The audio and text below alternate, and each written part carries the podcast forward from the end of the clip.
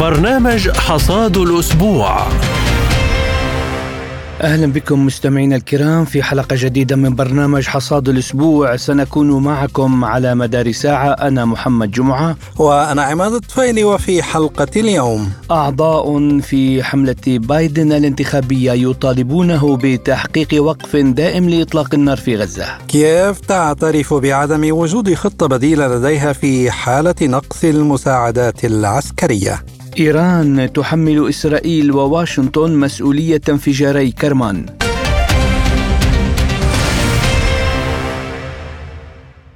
ونبدأ الحلقة بملف النزاع الفلسطيني الإسرائيلي وبهذا الصدد حذر موظفون في حملة انتخاب الرئيس الأمريكي جو بايدن من خسارته للناخبين بسبب موقفه من حرب إسرائيل على قطاع غزة. وجاء في رسالة التحذير لبايدن باعتبارنا طاقمكم نعتقد أن لديكم واجبا اخلاقيا وانتخابيا للدعوة علنا إلى وضع حد للعنف. ببساطة لا يمكن تبرير التواطؤ في مقتل أكثر من عشرين ألف فلسطيني من بينهم ثمانية آلاف ومئتي طفل وتتضمن الرسالة أيضا دعوات لوقف المساعدات العسكرية لإسرائيل ومطالبات بتهدئة الصراع وإطلاق سراح الرهائن. وأكد موظفو الحمله أنهم أعدوا رسالة من منطلق الشعور بالمسؤولية الأخلاقية ويقولون إن سياسات بايدن بشأن الصراع في الشرق الأوسط بما في ذلك إنكار الحاجة إلى وقف إطلاق النار يمكن أن تنفر الناخبين. فيما أكد المندوب الروسي الدائم لدى الأمم المتحدة فاسيلي نيبينزيا في اجتماع لمجلس الأمن الدولي أن ما يحدث في البحر الأحمر هو نتيجة للعملية الإسرائيلية الوحشية في غزة. وقال نيبينزيا إن مشكلة ضمان حرية الملاحة في البحر الأحمر وخليج عدن لا تتطور بهذه الطريقة المقلقة في فراغ. أعتقد أنه من غير المحتمل أن ينكر أي من زملائنا حقيقة أن ما يحدث في البحر الأحمر نتيجة مباشرة للعنف في غزة. ووفقا له التصعيد في الأراضي الفلسطينية المحتلة الأخرى وكذلك على الحدود بين إسرائيل ولبنان أيضا بسبب الوضع في غزة. وللتعليق على هذا الموضوع نستضيف من بيروت عبر الهاتف رئيس لجنة العمل الوطني في لبنان رفعت البدوي. أهلا ومرحبا بك أستاذ رفعت في حلقة اليوم من البرنامج ونسألك يعني من خلال الرسالة الموجهة من أعضاء في حملة بايدن الانتخابية يدعونه في فيها إلى وقف دائم لإطلاق النار في غزة. هل يمكن القول إن السياسة الحالية للرئيس الأمريكي ستؤدي إلى تنفير الناخبين وفشل بايدن نفسه بل أيضا إلى فشل عقيدة الشرق الأوسط الأمريكية برمتها؟ اولا فشل عقيدة الشرق الأوسط بالتأكيد ستفشل عقيده الشرق الأوسط. يعني نبدأ من محل ما انتهيت أنت. في تغيير سياسة الولايات المتحدة تجاه إسرائيل من يعتقد بأنه الولايات المتحدة تغير سياستها تجاه الدعم المطلق للعدو الإسرائيلي. أعتقد بأنه كمان يتأمل في ابليس بالجنة. هذا الأمر ما ما لا يمكن أن يعني يتخيله إنسان إلا بعد فترة طويلة.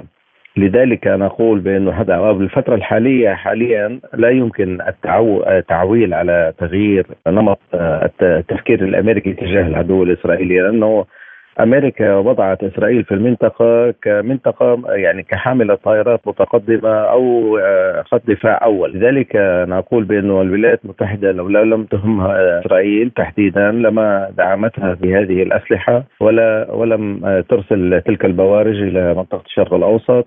لإنقاذها من السقوط الذي كان محتما بعد سبعة تشرين بعد عملية طوفان الأقصى. الولايات المتحدة اليوم هي دخلت في مرحلة اسمها مرحلة الانتخابات ولا يستطيع أي من لا الجمهوري ولا الديمقراطي إلا أن يحابي الصهيونية العالمية كي يحصل على الأصوات. لكن هناك بصيص أمل نعول عليه هو أنه الاستطلاع الأخير الذي أجري في الولايات المتحدة حول وجود إسرائيل في المنطقة بين الشباب الذي تتراوح أعمارهم بين 18 و 30 سنة، جاءت النتيجة أكثر من 51% أنه على إسرائيل أن تسلم هذا البلد فلسطين للفلسطينيين هم أصحاب الحق وأصحاب الأرض. ولن ينتهي الصراع العربي الاسرائيلي أو الفلسطيني تحديدا الفلسطيني الإسرائيلي إلا بتسليم فلسطين للفلسطينيين، هكذا جاءت نتائج الاستطلاعات استطلاعات الرأي التي أجرتها آه، مراكز البحوث في الولايات المتحدة، هذا ما نعول عليه بأنه الجيل الصاعد اليوم رأى واكتشف أو راى بأم عينه الزيف الاسرائيلي وزيف الدعاية الأمريكية بأنه إسرائيل هي رائدة الديمقراطية ورائدة الحرية ومع الإنسانية. كل هذه الجرائم التي ارتكبت في غزة كشفت هوية إسرائيل ونيتها أنها لا تريد العيش مع الفلسطيني ولا تريد العيش مع العرب ولا تريد العيش لا مع مسلمين ولا مع مسيحيين. هؤلاء صهاينة لا يعترفون بأي شيء سوى أنهم يريدون الهيمنة على العالم من خلال الدورة المالية التي تدار من قبل صهاينة كبار في العالم. فإذا أنا أقول لك إنه كل هذه السياسة الأمريكية لا يمكن التعويل عليها في الوقت الحاضر إنما نعول في نشأة هذا الجيل الذي ذكرته من 18 ل 30 بعدما ظهر جليا مدى الإجرام الإسرائيلي ضد الإنسانية آه، وضد الأطفال وضد النساء وضد المدنيين في غزة وهذا التغول الذي لم نشهده حتى في تاريخ الحرب العالمية الأولى. يعني ذكرنا كل المشاهد تذكرنا بحصار ستالينغراد حتى أطلق عليها غزة ستالينغراد. لكن أنا أقول لك بأنه طالما هناك شعب اسمه شعب فلسطيني متمسك في أرضه ومتمسك في هويته ومتمسك في عدم تهجيره عدم القبول بأنه أن يتنازل عن حقه في أرضه آه، لن يكون سلام. والولايات المتحدة وإن كفأت فترة من الفترات أو آه، خففت من دعمها قليلا إلا أنها لا تستطيع إلا أن ربطت مصيرها بمصير وجود هذا الكيان. فإما أن يكون هذا الكيان موجودا لخدمة الولايات المتحدة وأغراضها ومشاريعها التي آه، تريد من خلالها حكم العالم من طرف واحد أو وتطويع بعض الأنظمة العربية أو أنها إذا كانت استغنت عن عن الكيان الإسرائيلي وذهب الكيان الإسرائيلي وهو زائل بإذن الله فإن الولايات المتحدة لن يعود لها أي نفوذ في المنطقة وهذا أمر قابل للتنفيذ لكن ليس الآن. يحتاج إلى وقت ليس ببعيد إن شاء الله. تحدثت الأمم المتحدة والعديد من الدول حول العالم ضد التهجير القسري للفلسطينيين من غزة، ما هي العواقب التي يمكن أن تكون إذا بدأت تل أبيب في إخلاء سكان القطاع قسرا؟ تصريحات صدرت من الولايات المتحدة ومن بعض الدول الغربية ألمانيا. شبت هذه التصاريح لسموتريتش للوزير العدو الإسرائيلي سموتريتش. لكن أنا أقول لك بأنه حتى في بداية الحرب على غزة الولايات المتحدة وجاك سوليفان هو نفسه هو من طرح على بعض الدول العربية وخصوصا مصر. قبول آه، استقبال الفلسطينيين سكان غزة واستقبالهم في منطقة سيناء. هذا مثبت. فلا يغرنك بأنه لا يريدون التهجير أو ضد التهجير لا هم التهجير لتسليم العدو الإسرائيلي منطقة غزة وتهجيرهم إلى غزة إلى سيناء وإلى الأردن وإلى لبنان. هذا مشروع قائم وهو هذا المشروع الذي يحدثوننا عنه تارة في الأوسط الجديد تارة في أنه آه، حل الدولتين وإلى مشاكل لكن أنا أقول لك بأنه آه، كل هذه الادعاءات أو إذا ما صار هذا التهجير ولن هو لن يتم هذا التهجير. وأنت تذكر بأنه آه، الرئيس المصري عبد الفتاح السيسي قال بأنه بدل ما تهجروهم حطوهم بالنقب يعني حتى لو كانت زلة لسان أو لم يقصد بس لكنه كان يعني من ضمن السياق المشروع الأمريكي أنه بدل ما تهجروهم من غزة حطوهم في النقب هيك بنكون نحن حاصرينهم بمصر وبين العدو الإسرائيلي. هذا الأمر لم يحصل. الفلسطيني اليوم اكتشف بأنه لن يعيد الكرة لنكسه أو لكارثة عام 1948 تهجير الفلسطيني على أساس أسبوع أسبوعين ويرجع بيعود إلى وطنه وهذا أمر لم يعد ينطلي على أحد، أي فلسطيني اليوم هو يقيم خيمة على ركام بيته الذي هدمه العدو الإسرائيلي. وما يعني ما عاد عندهم خيار الفلسطينيين في غزة إلا أن آه، يبقوا يتثبتوا في أرضهم. ولمعلوماتك هو المشروع هو ليس مشروع غزة فقط هو مشروع أيضا عرب 48 والضفة تهجيرهم إلى إلى إلى الأردن هذا كان موضوع تارة نطلق عليه ترانسفير تارة شرق أوسط جديد تارة آه، مشاريع أسامي يعني آه، أسماء لا تخطر على البال لكن هذا أمر الفلسطيني واعي له بانه ان لم يكن هو صاحب التمسك بالأرض. لو كلف شهداء لو كلف ضحايا لو كلف شو ما تلف لكن إعادة كارثة 48 أو نكسه 48 لن تتكرر مع الفلسطيني فإما النصر وإما الشهادة. أستاذ رفعت يعني لا ترى الولايات المتحدة أن التصرفات الإسرائيلية في غزة تندرج تحت تعريف الإبادة الجماعية، فهل يعني ذلك أن واشنطن ستواصل بذل قصارى جهدها؟ للتغطية على جرائم الدولة الإسرائيلية رغم الحقيقة الواضحة؟ الولايات المتحدة لم تتخذ قرارها بعد وأنا أعتقد بأنها لم تتخذ قرارها في المدى القريب للضغط على العدو الإسرائيلي أو على حكومة العدو الإسرائيلي بوقف آه هذا آه هذا هذه الإبادة ضد الفلسطيني أولا لأن الولايات المتحدة دخلت كما قلت لك مرحلة الانتخابات في ثبات الانتخابات الرئاسية آه لن يستطيع لا الجمهوري ولا الديمقراطي مهما كان يعني نوعه إلا مسانده الصهاينة واعطائهم الكرت الرخصة رخصة القتل والإبادة آه، ضد الفلسطيني. واعتقادا منه أنه كلما قدم الدعم للصهاينة كلما حصل على أصوات وثانيا إنه الولايات المتحدة كما ذكرت لك في بداية الحديث بأنها تعتبر إسرائيل هي حامل طائرات أو خط دفاع أول عن المصالح الأمريكية في المنطقة. لأنه الولايات المتحدة تعتبر منطقة الشرق الأوسط هي منطقة الاقتصاد الزخم الاقتصادي والزخم آه، وفيها تاريخ الأديان وهبوط الأديان السماوية الثلاثة، يعني تعني الكثير الكثير بان هذه المنطقة تمتد من ليس من الشرق الأوسط فقط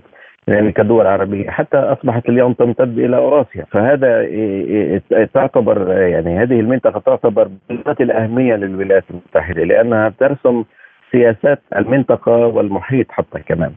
فإذا عليها تبني الولايات المتحدة بأنها تدعم إسرائيل للبقاء كي تبقى الولايات المتحدة مهيمنة على هذه المنطقة اقتصاديا وسياسيا. أستاذ رفعت مندوب روسيا الدائم لدى الأمم المتحدة فاسيلي نيبينزيا قال إن التصرفات الأمريكية التي تقوض كل الجهود الرامية إلى وقف إطلاق النار في غزة تثير غضبا في العالم العربي. وهذا ما آه، نشهده في البحر الأحمر وفي جنوب لبنان. يعني ما هي دلالة هذا التصريح برأيك؟ هو هذا كلام صحيح جدا لأنه اليمنيين خاضوا حربا طوال ستة أعوام ضد عاصفة الحزم وصمدوا ضد قوات الحلفاء ولم يضطروا إلى إغلاق باب البحر الأحمر أو إغلاق السفن المتجهة نحو العدو الإسرائيلي. لكن عندما تعلق الأمر في الدفاع عن الحق الفلسطيني اضطر هذا اليمني البطل الشجاع الذي نحييه يعني تحية كبرى نصرة للفلسطينيين ونصرة للقضية الفلسطينية ووقوفا ضد هذه الإبادة الجماعية التي يراها العالم أمام شاشات. لم يحرك ساكنا ولم تستطع أي دولة ولا المجتمع الدولي ولا الأسرة الدولية ولا مجلس الأمن ولا أي جهة بالعالم ولا حتى جامعة الدول العربية ولا جامعة ولا حتى آه، مؤتمر المؤتمر الإسلامي. أن يضغط على الدول للضغط على إسرائيل من أجل الحصول على وقف إطلاق النار، لا بالعكس تماما الكل سكت أمام التغول الإسرائيلي وأمام الإجرام الإسرائيلي. وكانه إسرائيل تريد للعالم تقول للعالم مجلس الأمن تحت أقدامي قرارات مجلس الأمن تحت أقدامي ادوسها متى أريد ولا أحاسب من قبل أي جهة. هذا الشعب اليمني اليوم آه، آه، انتفض لهذا الإجرام ضد هذا الإجرام الإسرائيلي انتفض لحق الشعب الفلسطيني ويريد أن يقدم مساعدة بقدر ما يستطيع وهو يهيمن يعني يستطيع أن يوقف الشحنات المتجهه إلى العدو الإسرائيلي والكيان الإسرائيلي ومن حقنا أن نفعل ذلك لأنه غزة أصلا محاصرة منذ 17 عاما ولم يحرك العالم ساكنا.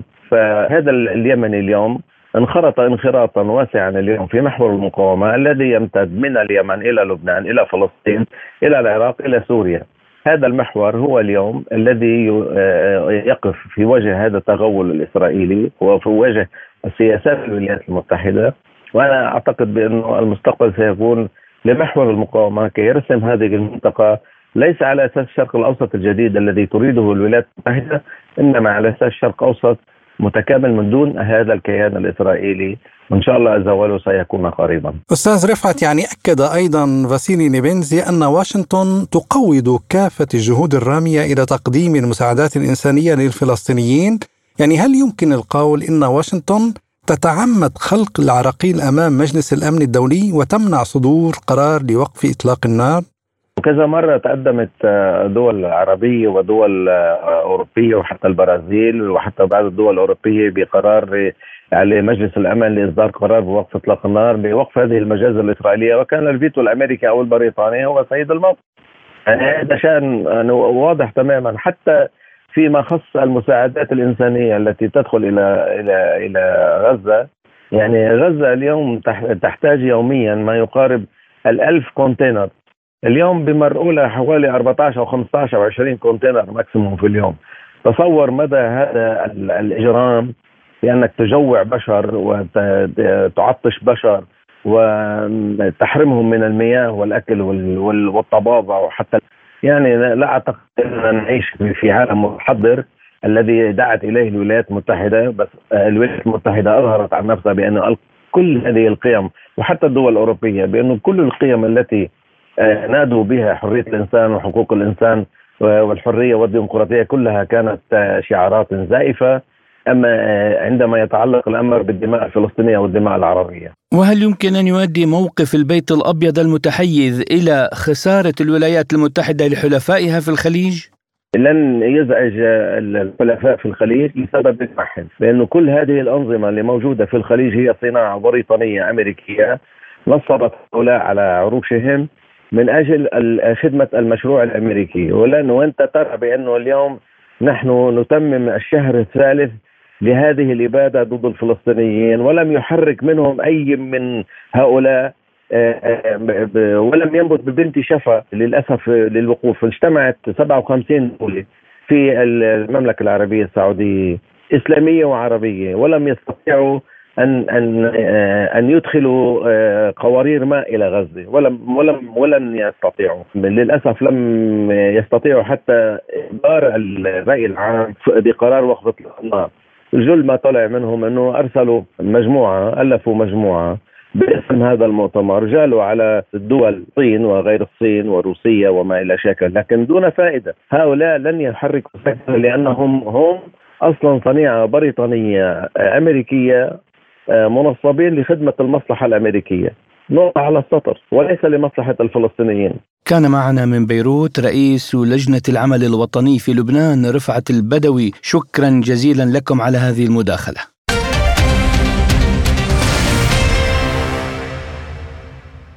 وإلى ملف الأزمة الأوكرانية حيث أعلن وزير الخارجية الأوكراني دمتري كوليبا أن كييف ليس لديها خطة بديلة في حالة نقص المساعدة العسكرية من الغرب إلا أنه عبر عن ثقة أوكرانيا بأنها لن تنقطع من المساعدات. وأعلن الرئيس الأوكراني فلاديمير زيلينسكي في وقت سابق أن أوكرانيا تلقت على مدار هذا العام أكثر من 24 مليار دولار من المساعدات العسكرية من الولايات المتحدة. في سياق متصل أعلنت وزارة الخارجية الإماراتية عن نجاح وساطة الإمارات في إحدى أكبر عمليات تبادل الأسرى بين روسيا وأوكرانيا بالرغم من التحديات التي تفرضها ظروف الحرب الحالية. وقالت الوزارة إن نجاح جهود الوساطة جاء انعكاسا لعلاقات الصداقة الوطيدة التي تجمع دولة الإمارات بكل من جمهوريتي روسيا الاتحادية وأوكرانيا.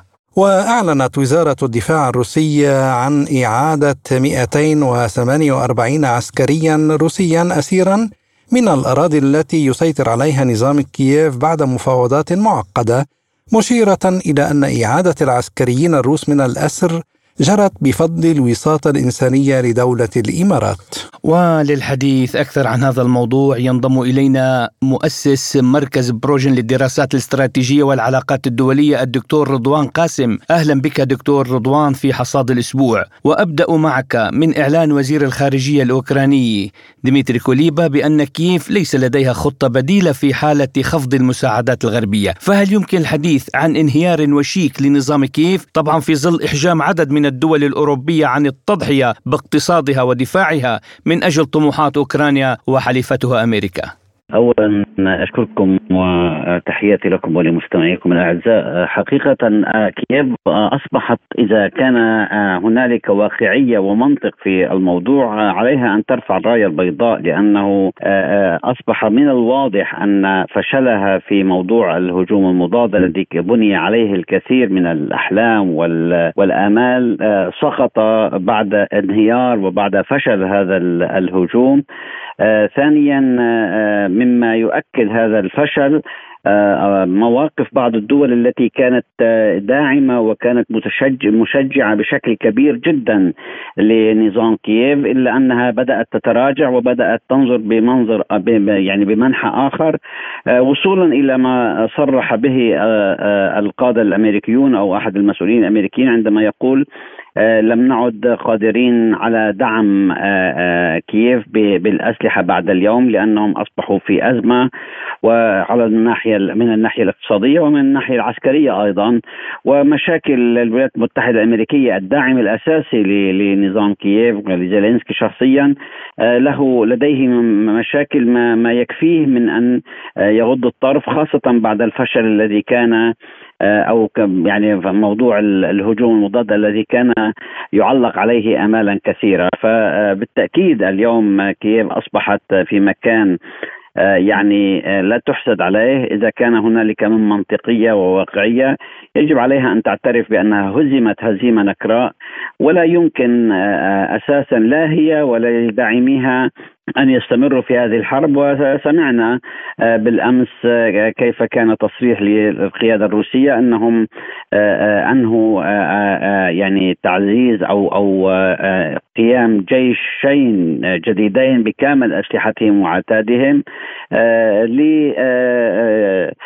للخطوه المقبلة فيما لو استمر الدعم الأمريكي والغربي لكييف لأنه أصبح من الواضح أن روسيا قررت حسم هذه المهزلة التي كانت طوال هذه الفترة الماضية. فبالتأكيد اليوم كييف أصبحت أمام حائط مسدود آه، ليس لديها سوى أن تعترف بالهزيمة وأن أن تسلم بأنه ليس لديها أي خيار آخر سوى آه، أن تستسلم يعني وتصل إلى الواقع الحقيقي الذي يمكن أن يكون لها أفضل بكثير من الاستمرارية وهي الذهاب إلى طاوله المفاوضات والقبول بما هو واقع اليوم على الأرض آه، بواقع الأمر الحقيقي. دكتور رضوان يعني اليوم لفتت الإمارات العربية المتحدة إلى وجود علاقات قوية مع موسكو وكييف وخاصة بعد مشاركتها في عملية تبادل الأسرى، هل يمكن لأبو ظبي أن تلعب دور الوسيط في المفاوضات المحتملة بين روسيا وأوكرانيا؟ نعم بالتأكيد الإمارات لها دور أساسي لها دور آه، آه، يعني ريادي آه، كان على صعيد العلاقات مع روسيا أم على صعيد العلاقات مع الدول الغربية ومع الولايات المتحدة الأمريكية تحديدا. وكذلك ليست الإمارات وحدها بل المملكة العربية السعودية كانت قادرة أن تلعب أن تقوم بدور الوسيط. وتركيا كذلك هنالك العديد من الدول التي حاولت أن تكون وسيطا إلا أن التعنت الأمريكي والغربي بهذا الخصوص كان هي هو العائق الحقيقي أمام هذه الدول لأن تكون وسيطا وخاصة أنهم يعني آه، وسطاء آه، إلى طرف يعني يعني ليس إلى جانب دون آه، إلى جانب دون جانب آخر بل كانوا وسطاء. فعلا يريدون إيقاف هذه الحرب وقادرين على أن يقدموا الكثير من المساعدات في هذا المجال، لكن للأسف الشديد كانت الولايات المتحدة الأمريكية هي المعرقل الاساسي لأي وساطة وبعض الدول الغربية هذا هذا ما عاق كل المحاولات التي سعت إليها الإمارات العربية المتحدة وحتى المملكة العربية السعودية وأيضا تركيا. ونحن نعرف أن تركيا لعبت دور أساسي في موضوع الحبوب لكن للأسف الشديد كان كان المعرقل الاساسي الولايات المتحدة الأمريكية والدول الغربية بعدم التزامهم بالاتفاقيات التي تعقد. فهذا مما أخر كثير من الاتفاقيات وأخر كثير من آه، من الوصول إلى اتفاق آه، في مكان ما. وكذلك يعني بالنسبة للإمارات إذا كان هنالك من نية سليمة ربما يكون الآن أفضل بكثير مما آه، من السابق لأنه شعر كما ذكرنا سابقا أن الولايات المتحدة الأمريكية والدول الغربية شعروا أنهم غير قادرين على الاستمرار في دعم نظام كييف.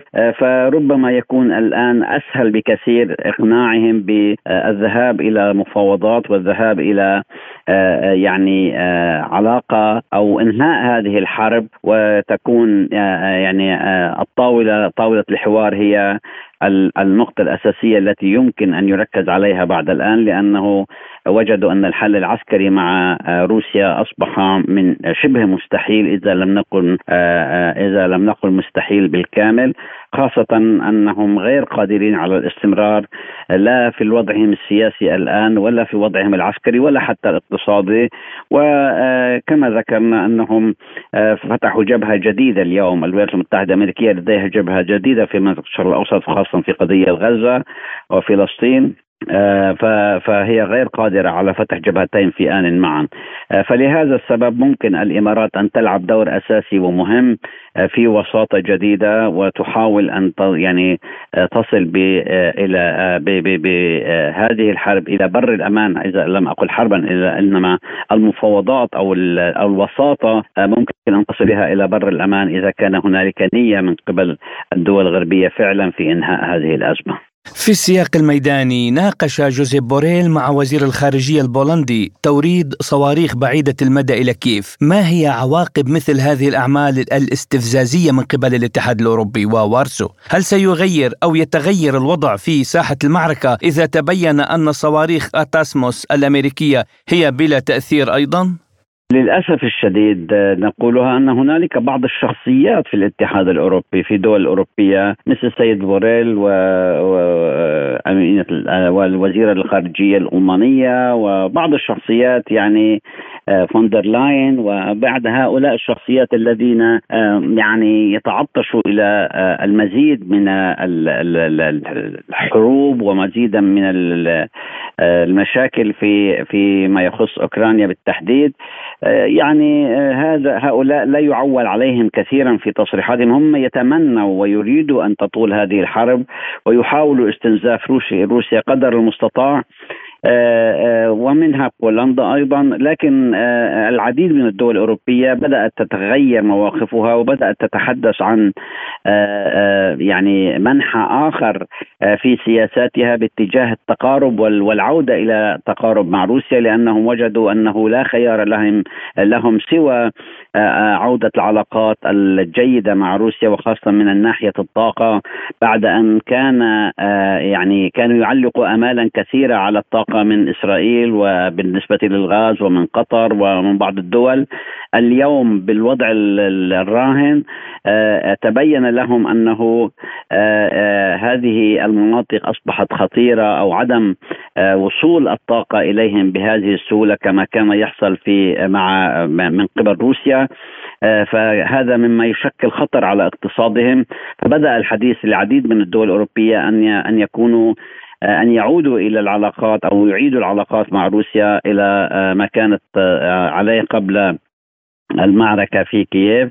إلا أنه كما ذكرنا أن هنالك بعض الشخصيات للأسف الشديد في الدول الأوروبية ما زالت متعنتة ما زالت يعني تتخذ منحى السلبي تجاه روسيا لكن بالتأكيد هؤلاء لن يستطيعوا أن يغيروا الواقع ولا يستطيعوا أن يغيروا حقيقة الأمر.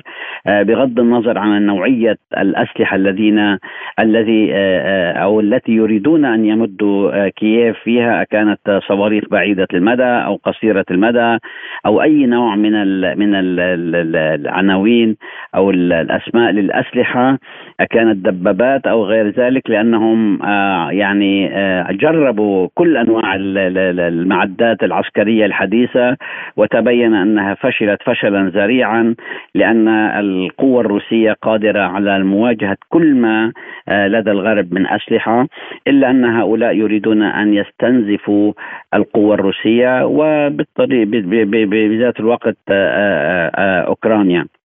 فلهذا السبب أنا لا أعول كثيرا على هؤلاء لأنه حقيقه هؤلاء سيصلوا إلى الحائط المسدود كما وصلت أوكرانيا وبدأ الحديث عن أنهم غير قادرين على الاستمرار وخاصة أن الولايات المتحدة الأمريكية بدأت إعادة التفكير في موضوع الدعم العسكري والمادي إلى كييف. فإذا ما رفعت يدها الولايات المتحدة الأمريكية عن هذا الدعم. تأكد أن كل هؤلاء سيكونوا سيذهبوا أدراج الرياح ولا يكون لهم قيمة سياسية على أرض الواقع. لا سيد بوريل ولا أمثاله للأسف يعني. دكتور رضوان يعني تحدث الإعلام في الأيام الأخيرة عن تغيير الولايات المتحدة أهداف سياستها في أوكرانيا. من الانتصار الكامل على روسيا إلى مفاوضات سلام محتمله، اليوم نسمع نفيا لكل ما قيل، بماذا يرتبط هذا التناقض برأيك؟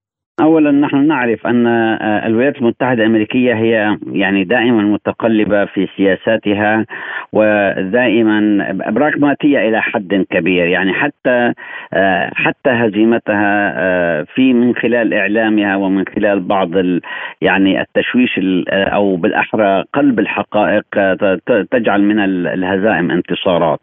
اولا موقف الولايات المتحدة الأمريكية ليس المرة الأولى ولن ولن يكون الأخير في تقليب مواقفها أو تغيير مواقفها بين ليله وضحاها. وأنا أعتقد أن هذا آه، لعبته أيضا في أفغانستان في أكثر من مكان أيضا كذلك في العراق كذلك في سوريا. لكن قليا في موضوع أفغانستان عندما كانت آه، يعني آه، بعض المسؤولين الأمريكيين آه، يصرحون تصريح صباحا وينفونه مساء أو العكس صحيح يصرحون مساء وينفونه صباحا. وكان هذا نوع من الدبلوماسية المتلاعبة إذا صح التعبير إذا إذا نستطيع القول بهذا حتى يعموا أعين حلفائهم ورأيناهم خرجوا من أفغانستان دون أن يعلموا أقرب المقربين إليهم من الحلفاء الغربيين. فأعتقد أن هذه الدبلوماسية وهذه السياسة الأمريكية ليست بجديدة فهي دائما كانت تقوم بمثل هذه الالاعيب وهذه السياسات المتقلبة فقط لاعماء الحقيقة عن ما يحصل وعما تسعى إليه امام أمام حلفائها. في موضوع أوكرانيا كذلك. يعني هم يتحدثون أنهم غير قادرين على الاستمرار آه، في الدعم لأوكرانيا. وهذا تبين من خلال الميزانية العسكرية التي قدمت ورفضت من قبل الكونغرس. آه، أيضا بالنسبة للوضع العسكري حتى قيادات البنتاغون يعترفون أنهم غير قادرين على سرعة الإنتاج في المواد الذخيره والعتاد العسكري للدعم. في في آه، لدعم أوكرانيا. كذلك الوضع الاقتصادي الراهن اليوم في الولايات المتحدة الأمريكية والوضع السياسي حيث أن الرئيس بايدن ذاهب إلى انتخابات آه، فيريد آه، استجلاب أو استعادة قوته في الداخل الأمريكي من خلال إنهاء هذا الدعم العسكري المرفوض أساسا من الشارع الأمريكي. كل هذه المسائل يعني يجعلهم يتخبطون في المقترحات أو في الخطاب السياسي الذي يتحدثون فيه وبعض بعض التصريحات من هنا وهناك لكن آه، ما أراه أنا أنه في لحظة ما ستوقف آه، أو سيقف الأمريكي عن هذا الدعم وينسحب من أوكرانيا باتجاه مكان آخر آه، ويترك حلفائه الأوروبيين كما حصل في أفغانستان يتركهم عالقين في روسيا أو في أوكرانيا مقابل مواجهة روسيا لكن بالنتيجة هو دائما يحاول أن يحصل على ما يريد آه، دون الآخرين حتى يعتبر نفسه أنه انتصر في هذه المعركة. آه، فلهذا السبب التصريحات المتناقضة للولايات المتحدة الأمريكية ليس غريبا ولكن بالتأكيد والشيء الأصبح الذي واضح للجميع أنهم غير قادرين على استمرار الدعم لأوكرانيا وأن هذا الدعم الذي حصل طوال الفترة كان دعما فاشلا دون أن يأتي بنتيجة بل على العكس من ذلك آه، استنزف الولايات المتحدة الأمريكية آه، على الصعيدين الاقتصادي والعسكري وحتى السياسي أيضا واستنزف الكثير من الدول الأوروبية وهذا باعترافهم هم يعني أنهم غير قادرين على الاستمرار في هذا الدعم.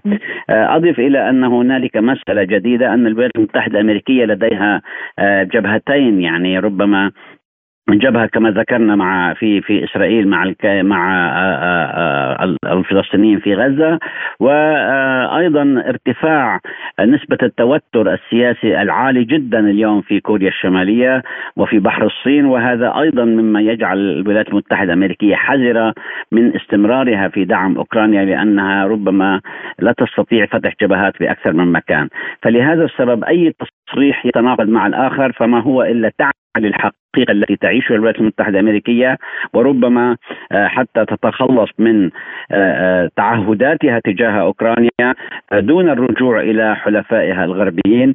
وتترك حلفائها إلى مصيرهم يتخبطون وبالنتيجة سينالوا نفس النتيجة التي نالوها في في أفغانستان لن ينالوا إلا الخيبة من الولايات المتحدة الأمريكية وتكون أمريكا قد خرجت بمعايير مختلفة وباتفاقيات مختلفة وربما ربما من تحت الطاولة تكون قد وصلت إلى مبتغاها في مكان ما باتفاقيات غير معلنة للخروج من الأزمة التي تعيشها اليوم في أوكرانيا. مؤسس مركز بروجن للدراسات الاستراتيجية والعلاقات الدولية الدكتور رضوان قاسم كنت معنا ضيفا عزيزا في برنامج حصاد الأسبوع شكرا لكم.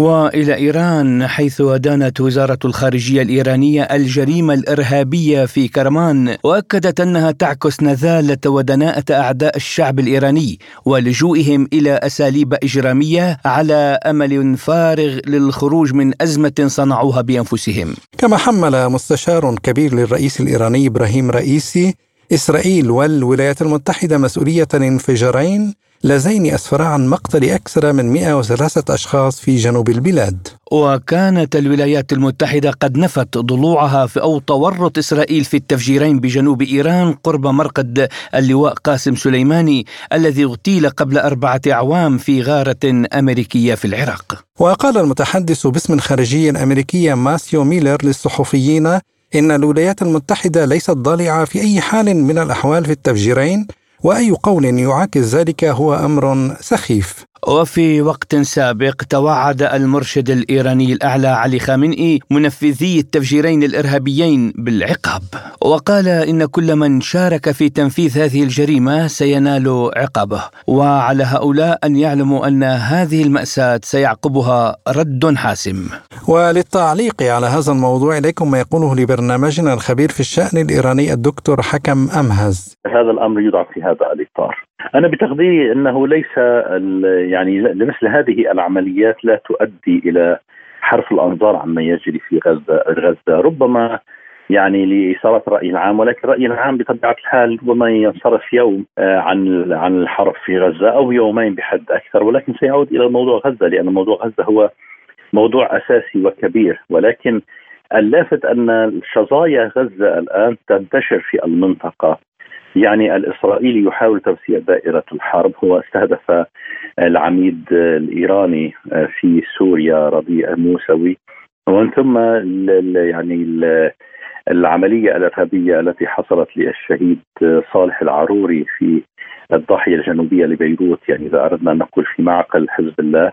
وأيضا الاستهدافات الأمريكية التي تستهدف تستهدف فيها القوات الحشد الشعبي في العراق وأيضا بعض المواقع التي تقول أنها محسوبة على محور المقاومة في سوريا. آه، أيضا التطورات التي تحصل في البحر الأحمر من عسكرة هذه هذا البحر آه، بالرغم من أن يعني القوات اليمنية قالت أن الاستهداف للسفن الإسرائيلية أو تلك المتوجهة إلى إسرائيل ولم تستهدف أي من السفن الأخرى وبالتالي الأمريكي جاء بحلفائه إلى هذه المنطقة ليعسكرها وليدافع عن المصالح الإسرائيلية بشكل أساس وهو يدعي أنه يريد حماية المصالح الملاحية الدولية، فعمليا كل هذه المؤشرات تشير إلى أن هناك مأزق كبير جدا آه، يعيشه يعيشه نتنياهو في غزة في ظل الهزائم المتتالية التي تلحق به منذ أن بدأ بدأت عملية طوفان الأقصى.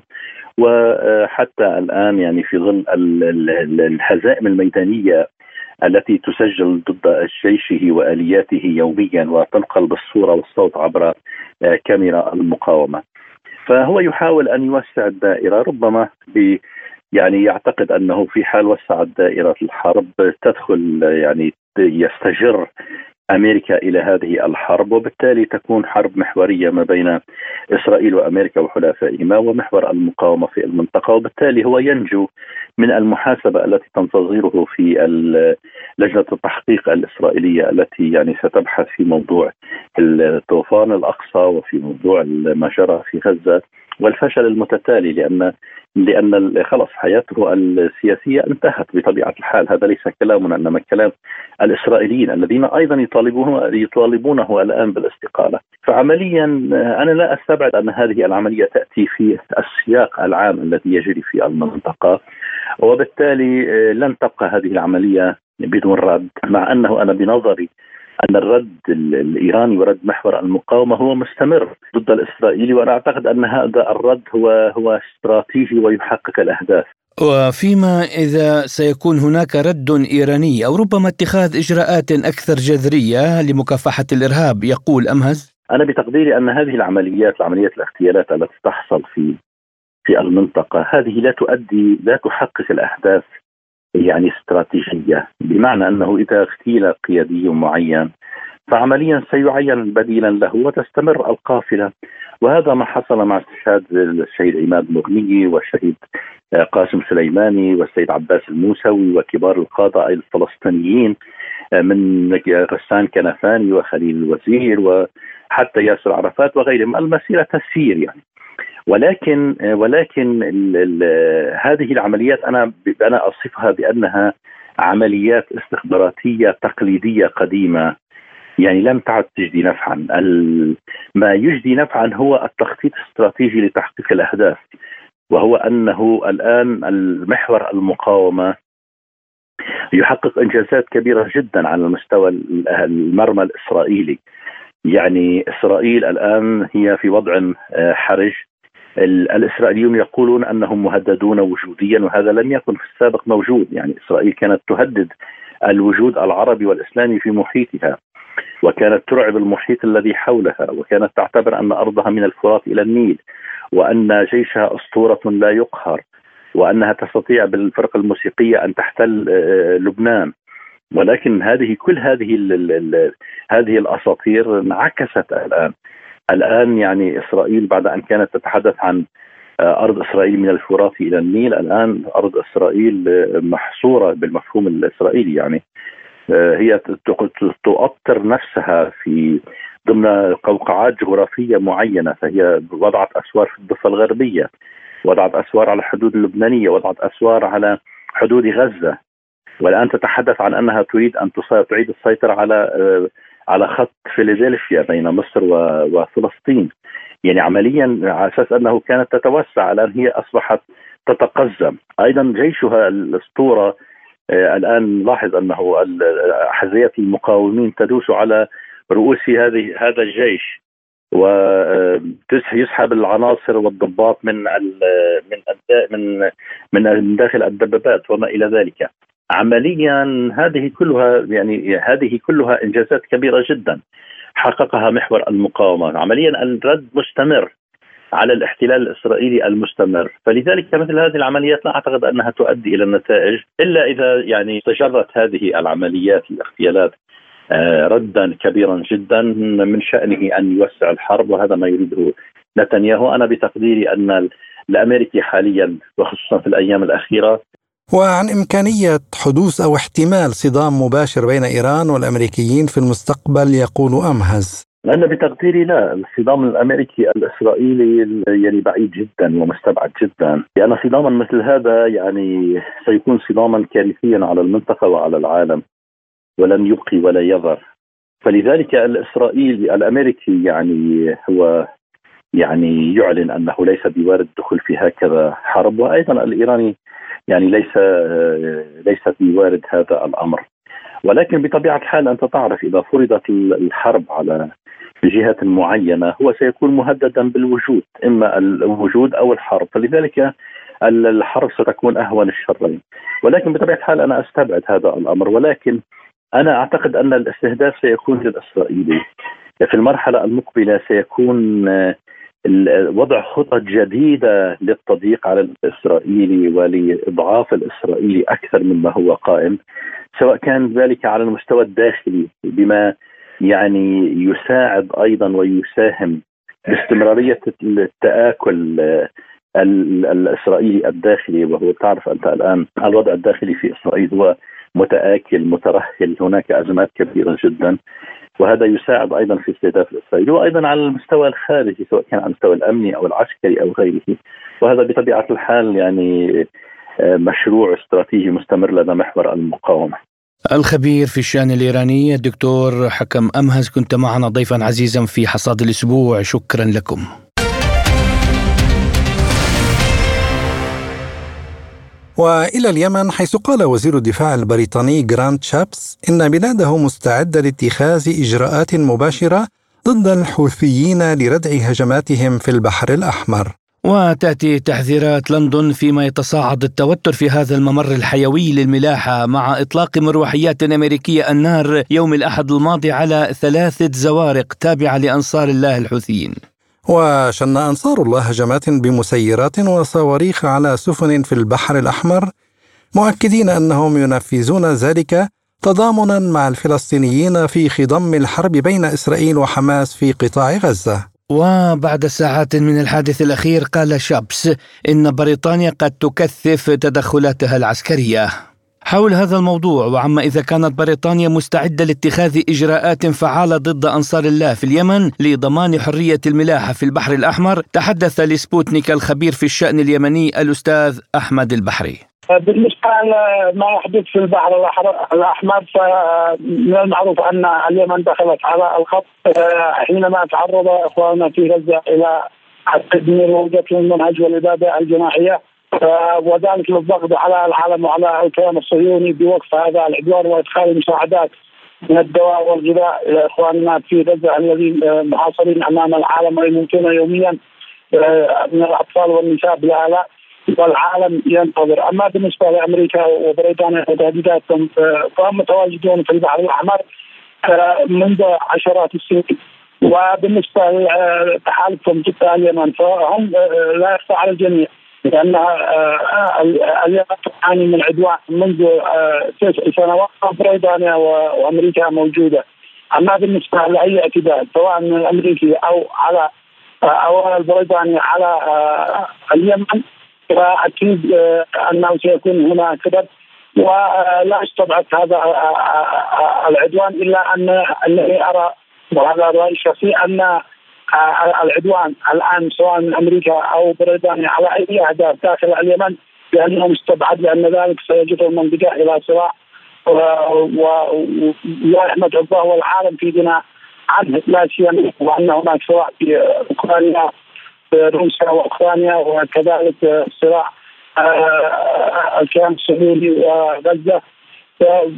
والتوتر ما بين الصين وأمريكا والمنطقة والعالم لا آه، أي صراع جديد وإنما هو من باب الضغط أو التهويل على اليمن لوقف مساعدة إخواننا في فلسطين. وفي سياق متصل قال الخبير الاقتصادي المغربي رشيد ساري لسبوتنيك إن مضيق باب المندب يمثل استراتيجية هامة إذ ترتبط نحو 90% من الدول العربية بالبحر الأحمر ولفت إلى أن التوترات في المنطقة تؤثر بقدر كبير على قناة السويس فضلا عن التداعيات الأخرى التي تتمثل في الطرق البديلة. الأمر الذي يمكن أن يعود لسيناريو إبريل نيسان 2021 بشأن ارتفاع نسبة التضخم في الاقتصاد العالمي. مضيق باب المندب هو يعني معبر جد استراتيجي على اعتبار أنه يعني في البيع يوجد بالبحر الأحمر الذي يمتلكه أكثر من 90% 90% بالضبط من الدول آه، العربية. يكفي فقط أن يشير إلى بعض الأرقام بأنه المعاملات التجارية بالنسبة لألمانيا يشكل 36% بالنسبة للدول الأوروبية يشكل أكثر من 60% إضافة إلى أنه النفط آه، العربي الذي يمر إلى الولايات المتحدة الأمريكية تقريبا 25% تمر عبر هذا المعبر. إذا استمر الحال على ما هو عليه إضافة إلى أهم شيء هو أنه اليوم هذا المعبر يعني يعتبر آه، القلب النابض بالنسبة لليمن لماذا؟ لأنه يعني المواد الأساسية وكذلك المواد الغذائية أكثر من 90% تمر عبر هذا المعبر يعني آه اليوم الإشكال الذي تعيش يعيشه مجموعة من الدول سواء على المستوى المحلي أقول وكذلك على المستوى آه, آه، العالمي. ما بين الممرات التي سوف تتضرر بشكل كبير بطبيعة الحال قناة السويس لأنه اليوم نلاحظ أنه مصر قامت ب يعني بدعوة الدول الكبرى من أجل تأمين مرور مجموعة من من السفن. كذلك طلبت بأن يعقد اجتماعات دورية من أجل حل هذا المشكل الذي يؤرق اليوم الجميع. التداعيات سوف تكون كبيرة وكبيرة جدا على اعتبار بأنه إذا مر النفط من على على من رأس من من من رأس الرجاء الصالح أو من مرات أخرى سوف ترتفع التكلفه وبالتالي ربما غدا آه، سوف نشهد ارتفاع في حجم التوريدات بشكل كبير كبير جدا. آه، المواد الطاقيه خاصة نتحدث عن الغاز وكذلك آه، البترول سوف ترتفع بشكل كبير. وبالتالي سوف نعود للسيناريو ما كنا عليه في أبريل من سنة 2021 وهو نسب تضخم كبيره لأنه التكلفة سوف تصبح كبيرة على اعتبار أنه تكلفة التأمينات على الأخطار سوف ترتفع. آه، تكلفة يعني التنقل آه، وكذلك المدة سوف تصبح أكبر مما كانت آه، عليه. وأظن بأنه اليوم المتضرر الكبير والكبير جدا هي أوروبا الولايات المتحدة الأمريكا وكذلك بشكل آخر دول شمال إفريقيا إضافة إلى اليمن وكذلك مصر. ومصر بشكل كبير وكبير جدا لأنه سوف يشل حركة آه، قناة السويس بالنسبة لدول الخليج رغم ذلك أظن بأنه آه، التأثير لن يكون كبير وكبير جدا على اعتبار بأنه أي تكلفة يعني سوف تكون إضافية سوف آه، يعني ترفع من تكلفة البترول أو الغاز بشكل أكبر. المتضرر هم الدول التي تستفيد أو الدول التي تستورد بشكل كبير المواد الطاقية وكذلك مواد أخرى.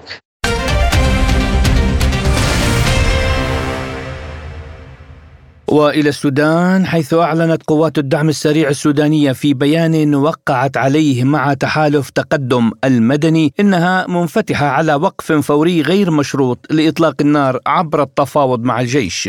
ووافقت قوات الدعم السريع على فتح ممرات إنسانية لإيصال المساعدات إلى المناطق الخاضعة لسيطرتها في السودان فضلا عن إطلاق سراح 451 شخصا تم أسرهم خلال الصراع العسكري وبالإضافة إلى ذلك أعلنت قوات الرد السريع استعدادها لتسهيل عودة المدنيين إلى المناطق المتضررة من الأعمال العدائية كما اتفق المشاركون في اجتماع أديس أبابا على إنشاء لجنة وطنية لحماية المدنيين.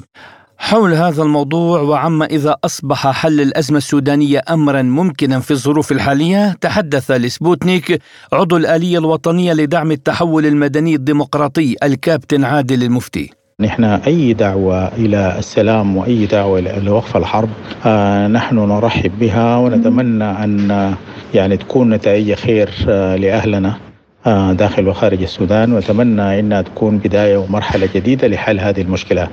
آه طبعا قوات الدعم السريع ذكرته إنه آه هي أبدت استعدادها آه للوقف الفوري لاطلاق النار وإجراء مفاوضات مباشرة مع الجيش السوداني معناها هذه آه، آه، مرحلة جديدة وأتمنى أنه هذه الظروف تسمح بهذا اللقاء آه، المرتقب بإذن الله تعالى بين قائد الدعم السريع وقائد القوات المسلحة السودانية ورئيس مجلس السيادة الفريق أول ركن عبد الفتاح البرهان. نتمنى ذلك أنه يحدث في أقرب الأوقات بإذن الله تعالى. آه طبعا آه سؤالك إنه آه هل الجيش السوداني مستعد لقبول شروط الدعم السريع؟ أنا أفتكر إنه الآن ما في آه أي شروط الآن متخذة ولكن الشروط اللي كانت مطلوبة اللي هي آه، يعني بدأها أو تم توقيعها في جدة وكان في اتفاق في جدة وكان مشهود وكان تحت رعاية المملكة العربية السعودية جزاه الله كل وفيما إذا كان الجيش السوداني مستعد لقبول شروط الدعم السريع قال المفتي.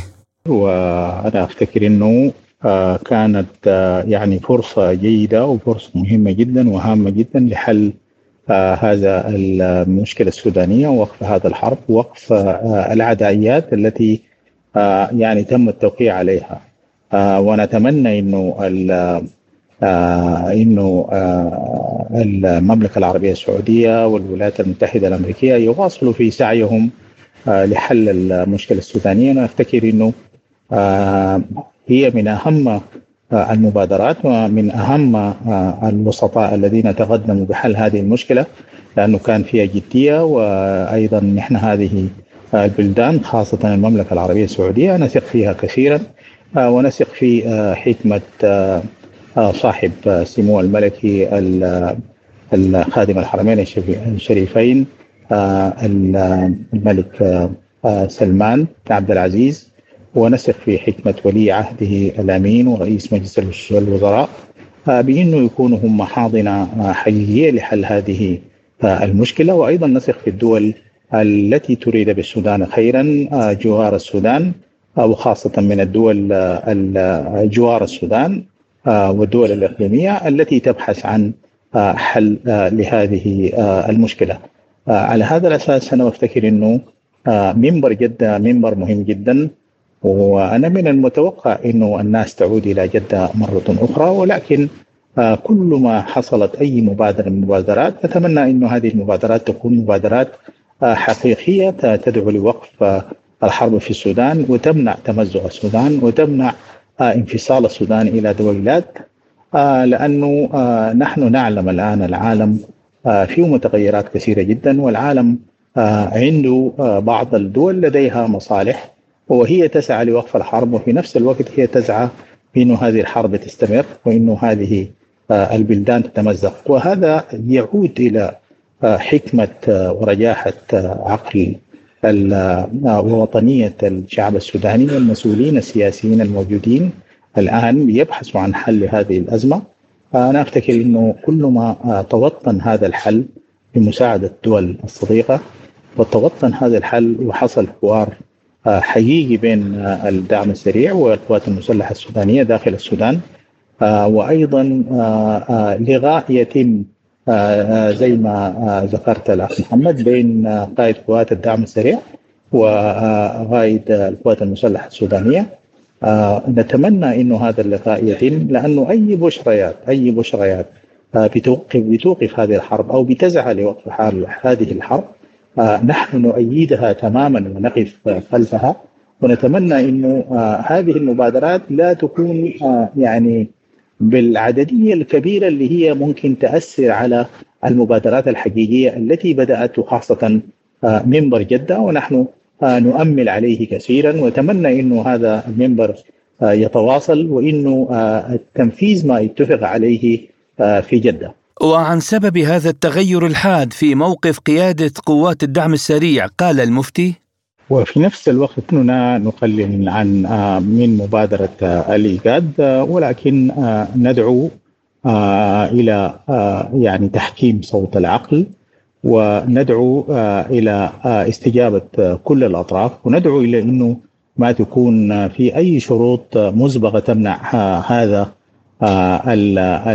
اللقاء المزمع ونتمنى أيضا أن نضع الشعب السوداني في الحسبان ونضع آه، متطلبات ومطالبات الشعب السوداني اللي هو يعني يود أن يرجع إلى دياره ويرجع أن ترجع له منازله أو مقتنياته وممتلكاته التي تمها نهبها في الشهور الأخيرة. ونتمنى إنه الناس تضع مصلحة الشعب السوداني في الحسبان أو في المقدمة الأولى.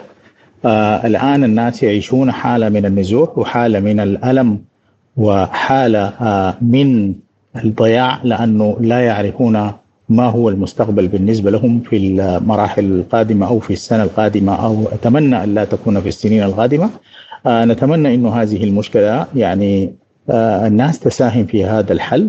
والنبي صلى الله عليه وسلم في صلح الحديبية تنازل عن أنه هو يكتب هو رسول الله يعني هو رسول الله في الورقة وتنازل عنها برضا ولأنه كان يبحث عن الحل.